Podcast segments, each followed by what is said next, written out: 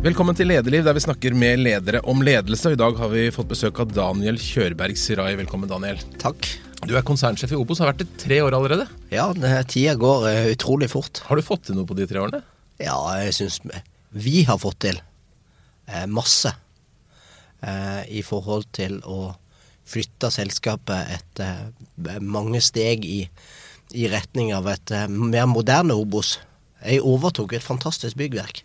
Og når du overtar et fantastisk byggverk, så jeg har starta med en grunnfilosofi at her er det ikke behov for noen revolusjon, men det er behov for å justere og, og ta det, det, steget som ikke har rukket å gjort ennå. Hvis du begynner med det, så får du til veldig mye. Det, Obos er jo det er ikke alle som kjenner det, det er jo en kjempebusiness. Dere altså 11, I fjor hadde 11,5 milliarder i omsetning, driftsresultat på 2,8 milliarder. 2661 ansatte hadde dere ved siste årsskifte. 435 000 medlemmer. Det er økende. Det er ganske fantastisk. Eh, men det ble jo laget i en helt annen tid for noe helt annet, som et sparelag. Og nå er det et slags eiendomskonsern med medlemmer. Det er en litt pussig konstruksjon. Treng, trenger vi Obos?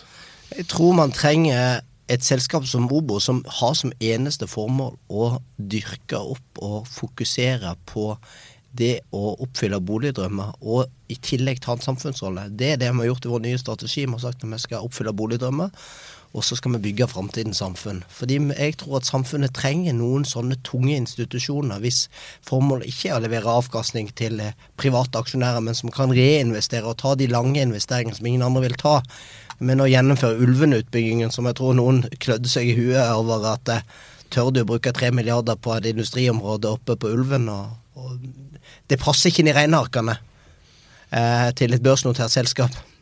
men, det passer inn, men passer inn i regnearket til Obos, som kan ta litt lang, lengre perspektiver og ta litt større risiko på det.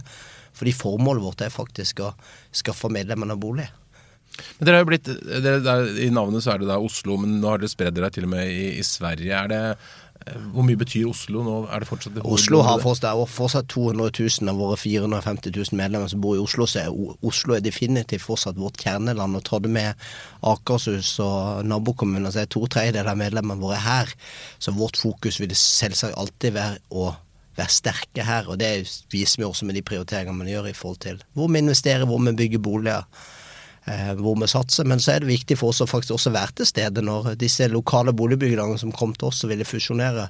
Det er viktig for oss å levere på det vi har sagt vi skal levere på i forhold til å bygge boliger og være til stede med gode medlemstilbud også der. Det er jo et selskap som eh, hvor lederen har en ganske sterk rolle, i og med at da eierskapet er såpass spredd. Og Martin Mæland, som var før deg, formet jo Obus i veldig stor grad. Så kommer du etter han. Hvordan, hvordan er det å komme etter en sånn gigant og prøve å sette sitt eget preg på det? Det var, det var med respekt jeg gikk på oppgaven. Eh, men så så jeg at jeg hadde noen ting som Ved å være 20 pluss år yngre med noen annerledes tanker om ledelse og fokusområder, så gikk det an å gjøre min egen flavor uten nettopp at det skulle være behov for å gjøre eh, de største organisatoriske Jeg kjørte jo stort sett med den samme ledergruppa nå i tre år. Nå har jeg gjort noen endringer nå på det siste, men det er ikke så mye som skal til for å endre skuta. Bare det å satse på digitalisering. Vi lå på bakkant på digitaliseringssatsing. Nå satser vi flere hundre millioner i året på, på å løfte den digitale grunnplattformen i, i konsernet vårt. Ut på tjenestetilbud. Det transformerer en bedrift. Når du går over fra å levere tjenester i den analoge verden til å se på deg selv som en del av den digitale verdikjeden. Men da du tok over den rollen, altså, da hadde du vært leder i, i systemet en stund. men var det likevel slik at du satte deg ned og, og la en, en, plan, en strategi for hvordan du skulle være som leder for Robos? Jeg la ikke en så stor plan om hvordan jeg skulle være, men jeg identifiserte tre, tre viktige målsetninger, eller fire egentlig viktige målsetninger for meg sjøl. Eh, det ene var at jeg ville sørge for at Obos var aleine med våre ansatte. Fordi når, man vokser så fort som hadde gjort på de siste årene, så, så faller de ansatte av. Når man hadde resultater i millionklassen, så klarer folk å ha et forhold til tallet.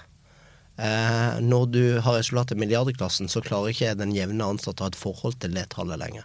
Så vi var nødt til å snakke om hva, hva vil det si å bli stor.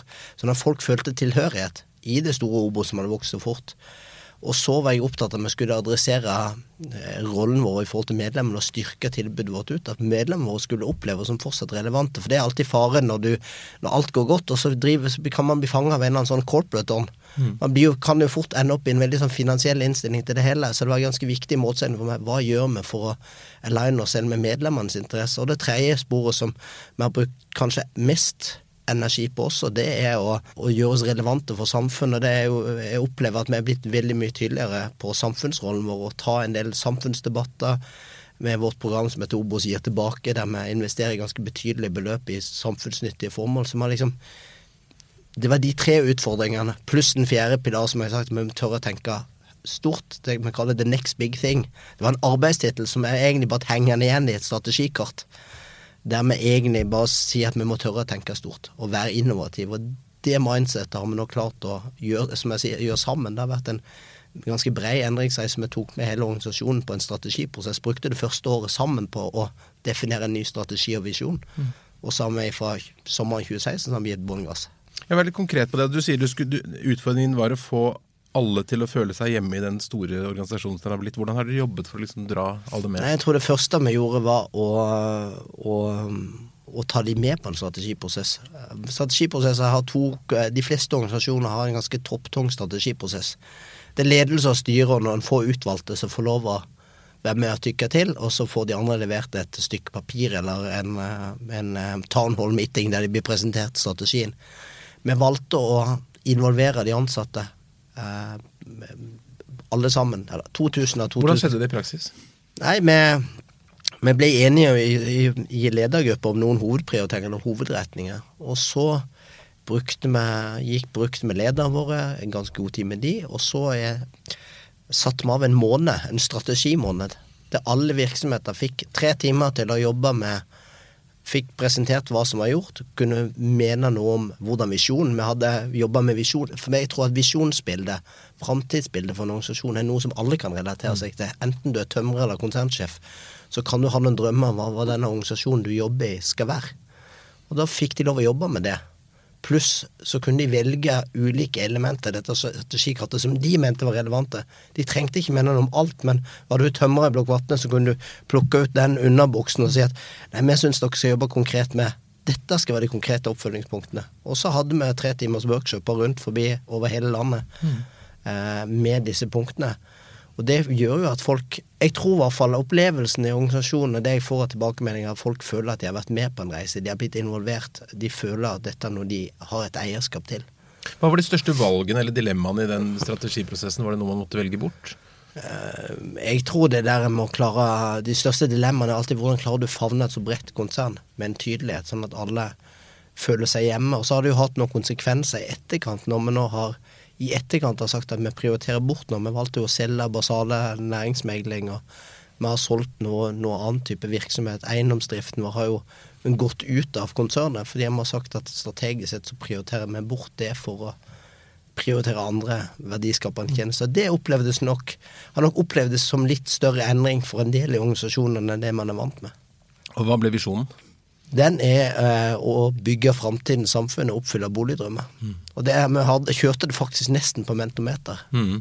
prinsippet. Brukte Kahoot, tok opp alternativer. Det var ikke min visjon. Det var ikke konsernsjefens visjon som vant. Den er faktisk reelt sett forma. Jeg hadde dette med boligdrømmer, det var der det begynte som arbeidshypotesen. Så kom svenskene og sa at nei, vet du hva, vi må ta denne samfunnsrollen, må vi løfte opp i visjonsbildet vårt.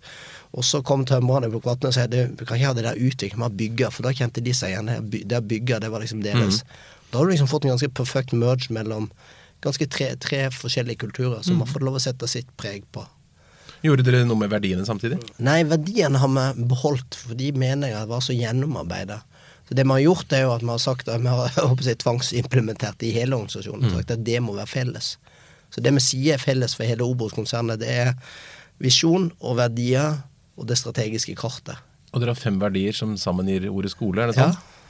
De er? Det er skikkelig, og det er kvalitetsbevisst, og det er offensiv, og det er lønnsom, og det er engasjert. Hvilken er du mest glad i? Jeg er nok, mer, jeg er nok eh, mest på det engasjerte, tenker jeg. Mm. Det er liksom eh, Men uh, alle verdiene skal, skal leves hver dag, men jeg er nok en større representant for det engasjerte. Men det er interessant dette, for det, eh, jeg jobber jo med masse forskjellige bedrifter, og noen steder så er man veldig opptatt av visjon og verdier og tenker at det er en viktig drivkraft. Andre tenker at nei, det er sånn eh, man drev med i gamle dager, at visjon og verdier ikke er så viktig. Betyr det Er det, er det Jeg ønsker at vi skal være en verdidreven organisasjon. For jeg tror at når du skal holde et så, så bredt eh, konsern samla om ett Obos, så, så er du faktisk nødt til å ha noe som binder sammen. Jeg tror visjon og verdi er utrolig viktig. Du klarer ikke forene den vanlige medarbeider der nede med å snakke om at EBTA-resultatet skal være 14,2. Men hva gjør du for at eh, dette skal leve i organisasjonen, ikke bare bli noe man jobbet med på workshop? Nei, vi snakker jo kontinuerlig om det. Vi jobber kontinuerlig med det og relaterer. Vi bruker, vi bruker dette ene arket, som faktisk er hovedstrategikartet. Det bruker vi i, i alle prosesser, som er når vi lager budsjetter, når vi snakker om hva vi skal gjøre. Eh, etter Obos er jo blitt et begrep som alle bruker, som en sånn element på det. Men, men det er en veldig sterk organisatorisk drive på å samle seg og jobbe sammen. Det har blitt en sånn Det er ikke noe sånn eh, en sånn sentrifugalkraft. Noe er det jo alltid i alle store konserner, men det er veldig sterk fokus på å prøve å jobbe sammen og skape verdier sammen på tvers. Men dere jobber under flere merkevarer, for du har jo Blokk Vatne. Er er det, tenker du at det er naturlig at visjon og verdier går på tvers av, av de ulike brandene? ja, for det er ingen det, Brandene er til for kunden. Eh, visjon og verdier er, er, er skal forme den vi er som organisasjon, mens brand er til for kunden. Hadde kunden syntes det var helt likegyldig med brandet, så vi, da kunne vi bare lukke igjen brandet. Men vi vet at eh, Blokk Vatne-merkevaren er et, en merkevare som kunden setter pris på. Sterkere enn vår egen. La oss snakke litt om din reise da frem til eh, den lederrollen du har. Du, du kommer fra Moi i Rogaland. og Jeg, jeg kan ikke så veldig mye om Moi, så jeg måtte slå opp litt. grann. Eh, Det, det sto vel der at den viktigste nærings... Eller den bedriften som var nevnt, var den ku- og sauebjellefabrikk. Og Nordan Og vinduer. Nordan Vinduer. er Ja, ja. og så, var det, så slo, det meg, slo det meg at innbyggertallet der er ganske Det, det er jo mindre det enn det, de som du er, er sjef for nå. Ja, ja. 1963 innbyggere forrige årsskifte, mens dere hadde 2661 ansatte. Det er jo litt pussig, er det ikke det? Jo, jo, men det, er som jeg sier, det er en god Jeg sier at det, det er en utrolig fin historie å ha med seg. Fordi det preger en sånn Du har fått litt, som jeg sier, at jeg er preget av et sånt verdisett som er litt eh, det pietistiske Vestland, litt nøysomhetskulturen i det. Du har en arbeider, ganske tydelig arbeiderkultur, som mye industri. Så min far jobber jobba på fabrikk, og jeg har traska der sjøl. Så du blir prega av den der stå på, og så er det mye, mye bønner. Og den der eh, kombinasjonen av hardt arbeid og nøysomhet er jo en sånn gode, godt pietistisk verdigrunnlag som, som er greit å ha med seg når du skal jobbe i en sånn lederposisjon som, som jeg har. Men så gikk veien din da, det gikk via juss, men også via politikk. Du er tidligere KrF-politiker. Eh, Det er ganske mange ledere som har den politiske bakgrunnen. Hva, hva tror du det tilfører i lederskap det har vært i politikken? Jeg tror det handler om å skjønne mye av de organisatoriske politikk, eh, prosessene som pågår i store organisasjoner. Som man kanskje, hvis man bare ikke har den politiske bakgrunnen, har litt vanskeligere for å skjønne den, den dimensjonen av det. Og så tror jeg det handler om å skjønne de rammebetingelsene som man lever med som bedrift. Og for Obos som organisasjon, både Martin og meg har jo litt den samme bakgrunnen. Det, Obos er, en organisasjon som lever veldig i spennet mellom kommers og, og politikk. og flere sier litt børs og katedral, og det, da må man skjønne begge deler for å kunne lykkes. Når var det du skjønte at du skulle bli leder? Det, det skjønte jeg veldig, veldig seint. Fordi jeg hadde, jeg aldri, hadde aldri noen ambisjon å bli leder. eh, Ikke når jeg, når jeg var stø, ungdom, så skulle jeg jo ikke bli leder. Jeg drev, var drevet av å redde verden. Og så studerte jeg juss fordi jeg fant ikke på noe annet å gjøre. Og så havna jeg i politikken i Oslo. Da var jeg mer drevet av å, å få ting gjort. Jeg syntes det var moro å skape. Jeg jobba som byrådssekretær og var den som skulle prøve å fikse og ordne ting. Og få ting til å gli. Det var ikke alltid i det byrådet la, så var det ikke alt som var så lett. Og da var det min jobb å være sånn go-between og, og sørge for å bygge allianser med de som skulle bygges allianser med. Og så han fikk jeg ikke noe jobb noe sted. Så husker jeg at Martin hadde sagt til meg en gang hadde møtt han på bare i Shanghai, at, eh, at hvis du er ferdig, så må, må du bare søke jobb her. Så da søkte jeg jobb i Obos, egentlig bare fordi jeg trengte en jobb. Og så havna jeg i juridisk avdeling der, og, og hadde det innmari gøy som advokatfullmektig. Og det var fortsatt ikke noe blikk på at jeg skulle bli leder, det var ikke derfor jeg begynte i Obos. Jeg ville egentlig bare være advokat. Og så kalte Martin meg inn på teppet, det var i 2007, og så sier han Daniel, nå, nå, nå må du velge om du skal bli en god advokat, eller om vil du prøve deg på businessveien. Og så fikk jeg jobb som forretningsutvikler. Så det var kanskje ikke før i 2010 han utfordra meg på en lederkarriere. Og så i 2015 så var du konsernsjef? Ja. Det er jo et ganske raskt lederløft. Ja, men kanskje så han og kanskje Det er ikke alltid man man, man man behøver ikke være leder et helt liv. Jeg tror bare man trenger å bli møtt og få gitt den riktige nudgingen. Eh, og så er det sikkert noen iboende egenskaper som alltid fins der, men det er ikke sikkert dine egne ambisjoner er i samsvar med hva ditt iboende potensial er. Og Derfor er det så viktig og jeg prøver å jobbe med det som leder sjøl, og se hva som bor i folk. For det er ikke sikkert de ser det sjøl. Men hva slags eh, dytt eller nudging var det Martin ga deg? da? Jeg tror det var bare det å gi meg en valg. For hadde jeg bare gått i sporet. Så hadde jeg jo det innmari gøy. Der jeg hadde det. Jeg syntes jeg lykkes bra og tjente greie penger. Og, uh, og hadde oppgaver som jeg trivdes med. Uh, med, å, med, å, få ting til å skje. Jeg jobber mye med borettslag og har en stor utbyggingsprosjekt. Litt sånn kreti og pleti. Og det, og, så det, du trenger liksom bare å bli dytta på plass der og si at ja, men har du potensialet. Men har du da noen gang underveis tenkt en slags sånn lederfilosofi, hvordan du vil være som leder? Nei, nei, jeg har egentlig ikke det. Jeg har tenkt at jeg må bare være Jeg tror det som kjennetegner meg nå, det er at jeg er ekte engasjert. Mm. Og er interessert i folk, og er egentlig ikke ikke bare opptatt av å, å snakke med de som er, er, er, viktige. Det har jeg alltid tenkt på som ganske viktig. Du må snakke også med de som ikke folk er så interessert i å snakke med. Og, og være, prøve å være inkluderende for alle deler av organisasjonen, så langt man kan. Eh, fordi det bygger fellesskap. Når meg og Arne som er sjef for boligutvikling er i Sverige og det er av og til vi får noen litt artige opplevelser når vi kommer til kontoret vårt i Ørebro, og vi har vært der før den svenske ledelsen. Men det er litt sånn som jeg tenker. Komme seg ut, snakke med folk, oppleve hva som eh, de er opptatt av. Mm. Fordi det er litt den lederskolen jeg har gått, å være opptatt av å være nede i puddingen. Har du, gjort, har du, utviklet deg noe på veien? Har du gjort noe feil som du har måttet korrigere? Ja, jeg gjør feil hele tida. Eh, kanskje prøve å ta litt mindre plass i noen settinger. Jeg, jo, jeg, er jo ganske på. Så det å lære seg å lytte og ta litt mindre plass, det bestemte meg liksom da jeg skulle være konsernsjef. Jeg måtte gi rom for de andre. Og ikke bare, og ikke bare liksom ta, prøve å ta sola sjøl. Utad kan det fremstå som at jeg tok mye plass, men det var, det var en bevisst strategi. Vi var litt opptatt av det meg i kommunikasjonssaken. Nå hadde Martin vært sterk leder veldig lenge, så det var viktig for oss å dytte fram en, en, en ny figur som folk kunne forbinde med Obos. For det trodde vi. Vi mente at det har en verdi for en organisasjon som Obos å ha en sånn klar og tydelig stemme. Men når du gjør det, så kan du overlate en del av den daglige drifta. Og, og, og, til de som er rundt deg. Og da må du også la de få tid til å snakke rundt bordet. Jeg har sett du har uttalt deg også litt rundt dette med tillit versus kontroll. At du tenker at noen gang kan bli litt for mye kontroll? Ja, altså Jeg prøver å, å lede basert på tillit. Eh, fordi jeg, jeg, trives ikke godt med å være sånn kontrollmann. Jeg, det, det, er ikke der jeg er. Jeg eh, tar, tar, min stolthet. Jeg prøver å være god å kjenne mennesker. Hvis jeg er god å kjenne mennesker, så skal jeg også være, være god til å plukke de riktige folka rundt meg.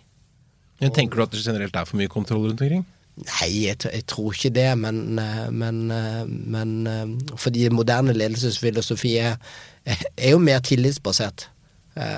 Men samtidig så, så er flipsiden av det, og det tror jeg vi må være obs på, det er at det er et behov for kontroll òg. Og det, det, merker jo at det, spesielt kanskje en del av den yngre, de som er yngre enn meg, de vil gjerne ha innflytelse og medvirkning, men de liker ikke få nei.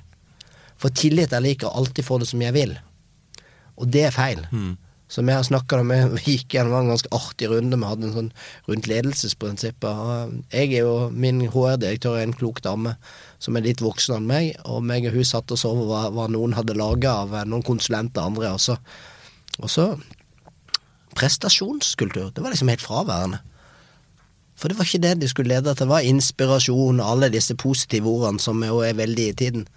Men det der med å drive en prestasjonskultur, det å sette tydelige krav, det må vi ikke glippe i, i all Når man gir tillit, så må det også bli stilt tydelige krav. Men kanskje spesielt farlig en, en si, så, så, velstående organisasjon som dere er, hvor, hvor dere egentlig ikke er på ja, altså Dere trenger ikke kjempe for hver krone, for dere har såpass Nei. godt fundament. Nei, så det, det, er ganske viktig for oss. Og så tror jeg at faktisk kommer jo leveranser også ut til kundene våre. Hvis det, øh, og, og, de som er avhengig av at vi leverer i andre enden, er jo avhengig av at vi har en ganske sterk prestasjonskultur. Fordi hvis ikke så blir det jo bare alt blir litt sånn la-la, og alt skal bare være gøy for oss. Og det er jo ikke gøy for oss som er målet. Det er jo hva som er bra for de som, som er kunder og medlemmer i Obos, som er det ultimate goal. Du nevnte digitalisering og endringer. Hva er de største tingene du ønsker å forandre i organisasjonen? Nei, jeg, det, jeg har ikke så store ønsker om forandring, men jeg har lyst til å flytte Obos ifra å være avhengig av mer brick and mortars til, til å på en måte kunne følge med. Være dynamisk med hva kundens behov endrer seg. Det å bygge hus det kommer alltid til å klare å gjøre. Når du har såpass mer romslig med, med kapital, så kommer vi sikkert alltid til å få kjøpt tomter. Mm. Men vi har ganske mange tjenester på veien. Med en stor boligforvalter. Vi forvalter halvparten, nesten halvparten av alle blokkleiligheter i Oslo. 220 000 boliger. Mm. Det, det forvaltningstilbudet må henge med folks etterspørsel. Det kan jo ikke være på sånn, eh, sånn papirfakturanivå, og folk forventer mye mer. Mm. Og det krever mye mer av, av grunnleveranser også for å leve opp til folks forventninger. Kanskje skal vi til og med levere litt mer enn folk mm. forventer. For målet er jo å gjøre hverdagen så enkel som mulig. Når du kjøper en ny bolig, så kan du enten velge å gjøre det på sånn så kunden har sånn cirka rett og så kan du produsere masse boliger. Da ville i og for seg vært innenfor formålet vårt om å bare skaffe folk en bolig, vær så god. Mm. Men, eh, men, skal du drive god og moderne kundeservice og sørge for at folk virkelig oppfyller boligdrømmene sine, da skal den reisen på veien være helt smooth. Du skal liksom, Når du skal gjøre tilvalget og gjøre den største investeringen, du skal føle deg trygg, du skal kunne få gjøre de, de har med minst mulig hassle. Og når du overtar boligen, så skal den ikke være full av feil. Og er det feil, så skal det bli fiksa. Og det krever nye verktøy, for der har vi liksom i takt med veksten, så har jo ikke vi alltid vært gode nok. Mm. Noen er fantastisk gode, mens, mens jeg ser Blokk Vatn er jo en organisasjon som liksom har gått i for å ligge minus på skalaen. Det er langt foran bransjen i mm. løpet av veldig kort tid, fordi vi har sagt at dere får lov å prioritere litt mindre lønnsomhet og litt mer kundetilfredshet. Men uh, når du da skal gjøre en endring mot mer kundetilfredshet eller ny teknologi, hva, hva er liksom dine viktigste ledermessige grep i en sånn endringsprosess? Nei, Jeg tror det viktigste grepet har vært å gi folk eh, tillit til og latt de få lov å bru, bruke litt eksterne ressurser. Jeg tror vi har vært litt sånn kronisk vaksinert mot å bruke konsulenter og andre. Mm. Det er henta litt inspirasjon, det er å få tenke litt utafor boksen. Det å tørre å feile. Mm. Altså, men vi har ikke alle svarene. Så det å si til dine medarbeidere, vet du hva, prøv det. Mm. Eh, går det snett, så, så, går det snett. Det er som denne satsingen vår på Nabohjelp, som er en app som vi har utvikla. Den har jo kosta oss noen titalls millioner til nå. Mm. Og jeg får innimellom spørsmål i styret om dette er verdt det, men så mm. tenker jeg at det er en del av den prøve- og feilekulturen. Jeg mener at det er prinsipielt rett å prøve å legge til rette for å bygge fellesskap og nabolag og delingskultur i hvor der vi bor og opererer. Og så må vi tørre å prøve. Og så får jeg ta risiko på at det blir feil, og så får summen av de riktige beslutningene være større enn noen av de feilbeslutningene. Mm. Men gir du folk tillit til å si at det er lov å feile, det tror jeg kanskje er den største endringen. Å gå bort ifra en sånn kultur der Sånn var det jo mange organisasjoner. har vært sånn, Ikke bare Obos har vært sånn. Den, den gamle det, det er ikke lov å gjøre feil fordi det koster oss penger. Det er at vi faktisk tør å investere med en viss risiko. Mm. Og risikoen er større i digitale endringsprosesser enn den er i, enn er i fysiske. Mm. Nå, nå, tenker alle at jeg skal spørre deg om boligmarkedet, for det får du sikkert alltid spørsmål om. Det tenkte jeg ikke vi skulle snakke om. Men, Å, du, men, men, det går jo mot jul, eh, og jeg tenkte vi skulle snakke litt om Jesus. Eh, for du er jo aktiv, du er blant de få næringslivslederne som liksom ganske, er ganske tydelige på at du er uh, kristen. Og du er aktiv i Philadelphia og har den bakgrunnen. Er det, Tenker du det er en bra ting å ha med seg i lederskapet? Det er en bra ting å være den jeg sjøl er. Og det må alle ledere være, uansett om de er muslimer eller kristne. Det å være trygge på sitt eget verdi, verdikompass tror jeg er bra for en leder. Mm. Og jeg er kristen, og det er mitt verdikompass. Mm. Uh, og det er det jeg tar med meg. det Og det, det forplikter på sett For meg er det en forpliktelse til, til et verdisett. Og så gjør jeg mine feil og opplever sikkert ikke mm. alltid så kristelig av, av alle i alle settinger. Men for meg er det bare den jeg er. Og den må jeg være fullt og helt, og det nytter det ikke å stikke det under en stol. Og, for da blir man ikke ekte. Og jeg er veldig opptatt av at jeg må være ekte i alt jeg mm. gjør. Men Er det mye å lære om ledelse i, i, i Bibelen? Ja, det tror jeg. Definitivt. Altså det, Jeg har brukt mye historien om talentene. Det å forvalte sitt talent. Fortell den. Nei, altså den, den handler jo om disse øh, Den rike mannen som, som dro på utenlandsreise og hadde tre tjenere, og, og overlot det litt forskjellig. Og de håndterte jo det oppdraget. To av de, gikk av sted og investerte. Eh, og brukte talentet sitt for det det var verdt. Mens den ene han var så redd for å for å feile at han gravde det ned. Og når han da kommer tilbake igjen, så gikk det jo Så fikk jo alle ros, de som hadde investert, men den, den som, som ikke hadde Den som hadde gravd ned og safa han, den eh, han fikk egentlig ganske strengt påpakke av den rike herren. Han ble tatt fra. Og den der, eh, det der med at du faktisk må utnytte talentet ditt til det fulle.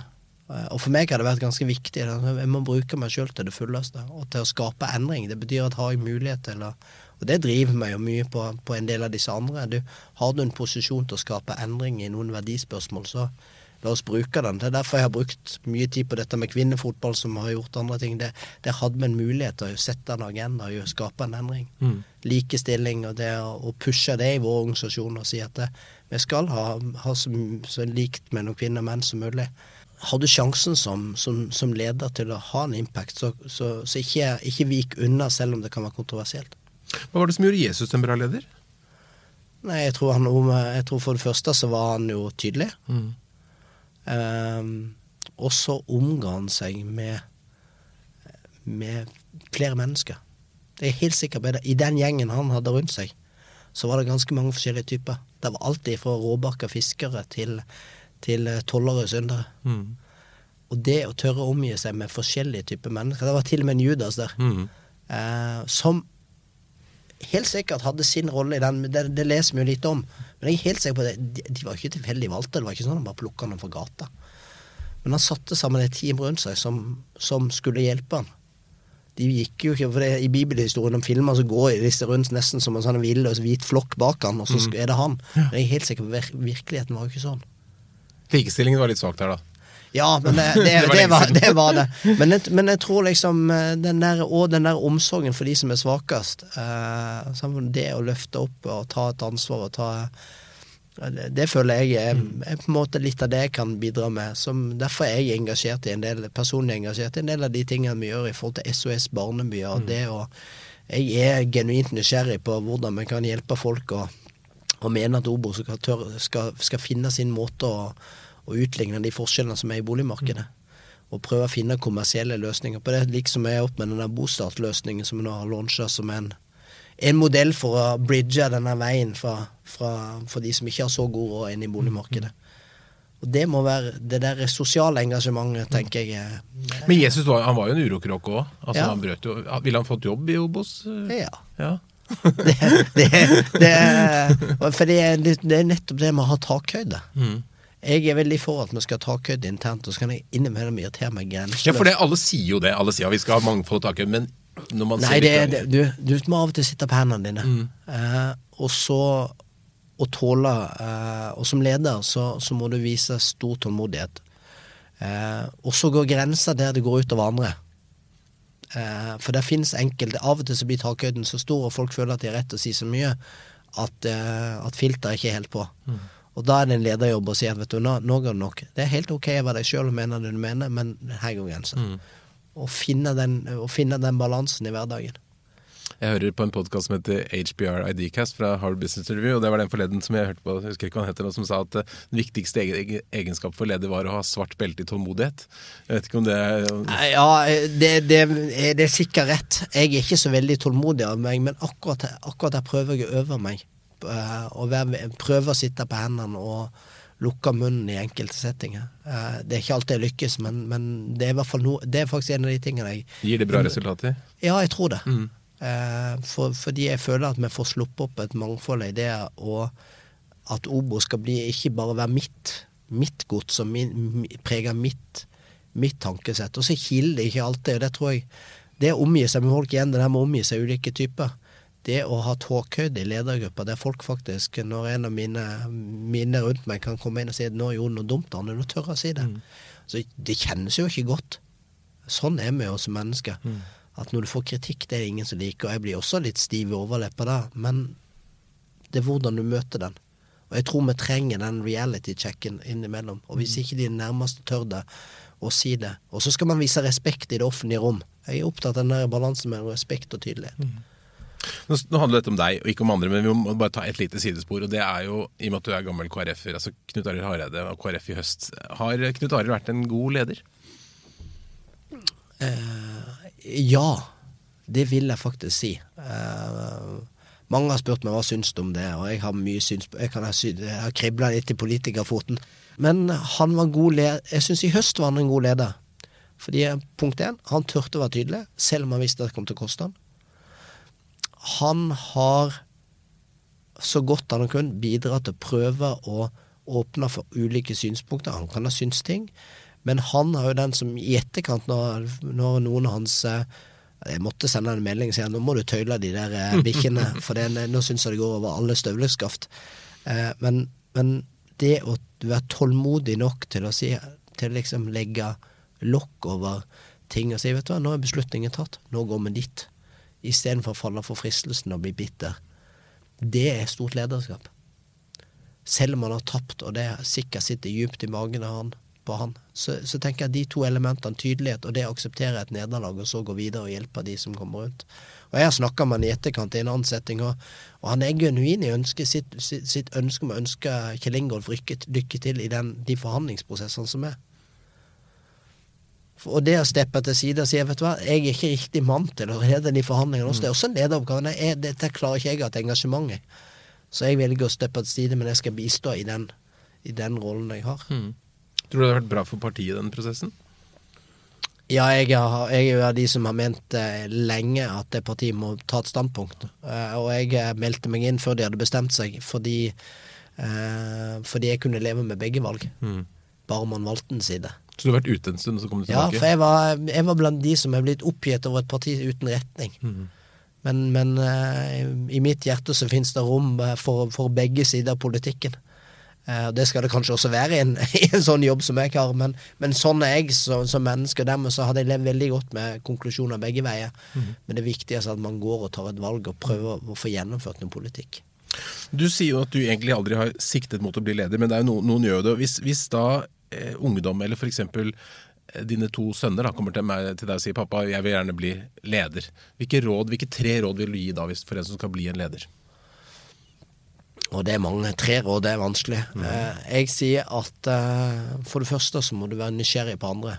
Det, det tror jeg nesten er, er, er den viktigste. Fordi hvis du er nysgjerrig på andre, så får du med deg veldig mye.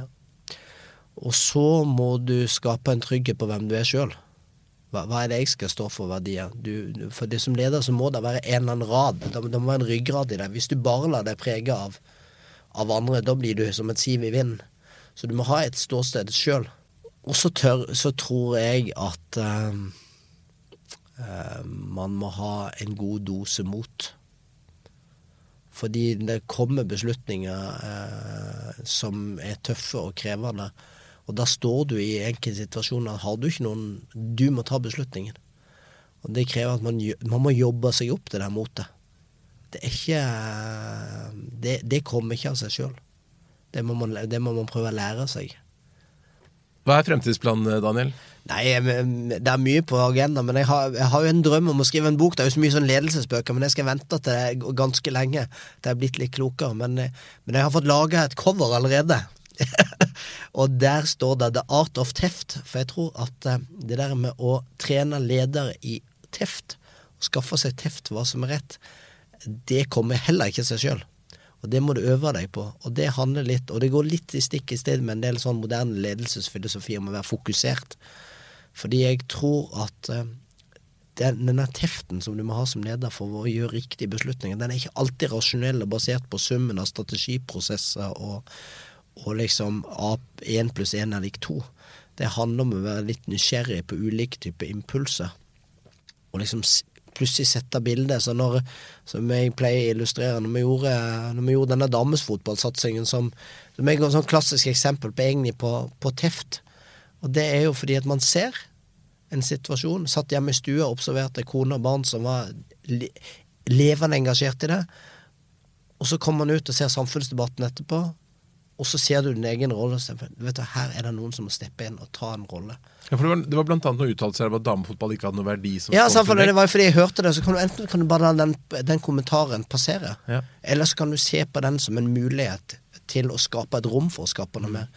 Og det å velge Og det, så, så sier jeg det til disse som holder på med det, du, dette må vi gjøre noe med, og så kommer jeg til å bruke den. For det er viktig for å sette agendaen.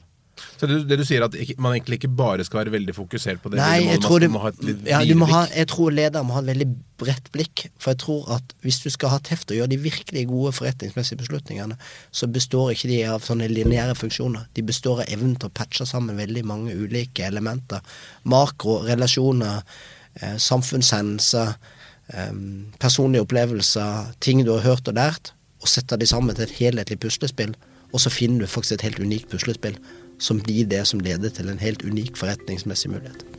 Tusen takk for at du kom til Lederliv. skal avslutte med å si at Lederliv lages av Apeland. Det er Ellen Paulsen, Lars Jarle Melum og meg, Ole Kristian Apeland.